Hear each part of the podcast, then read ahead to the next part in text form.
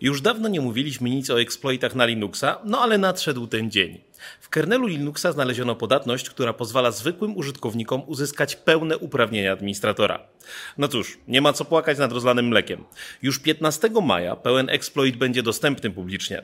Wszystko przez to, że jeden z członków zespołu Linuxa przesłał propozycję naprawy wraz z linkiem do opisu technik eksploitacji i kodem źródłowym.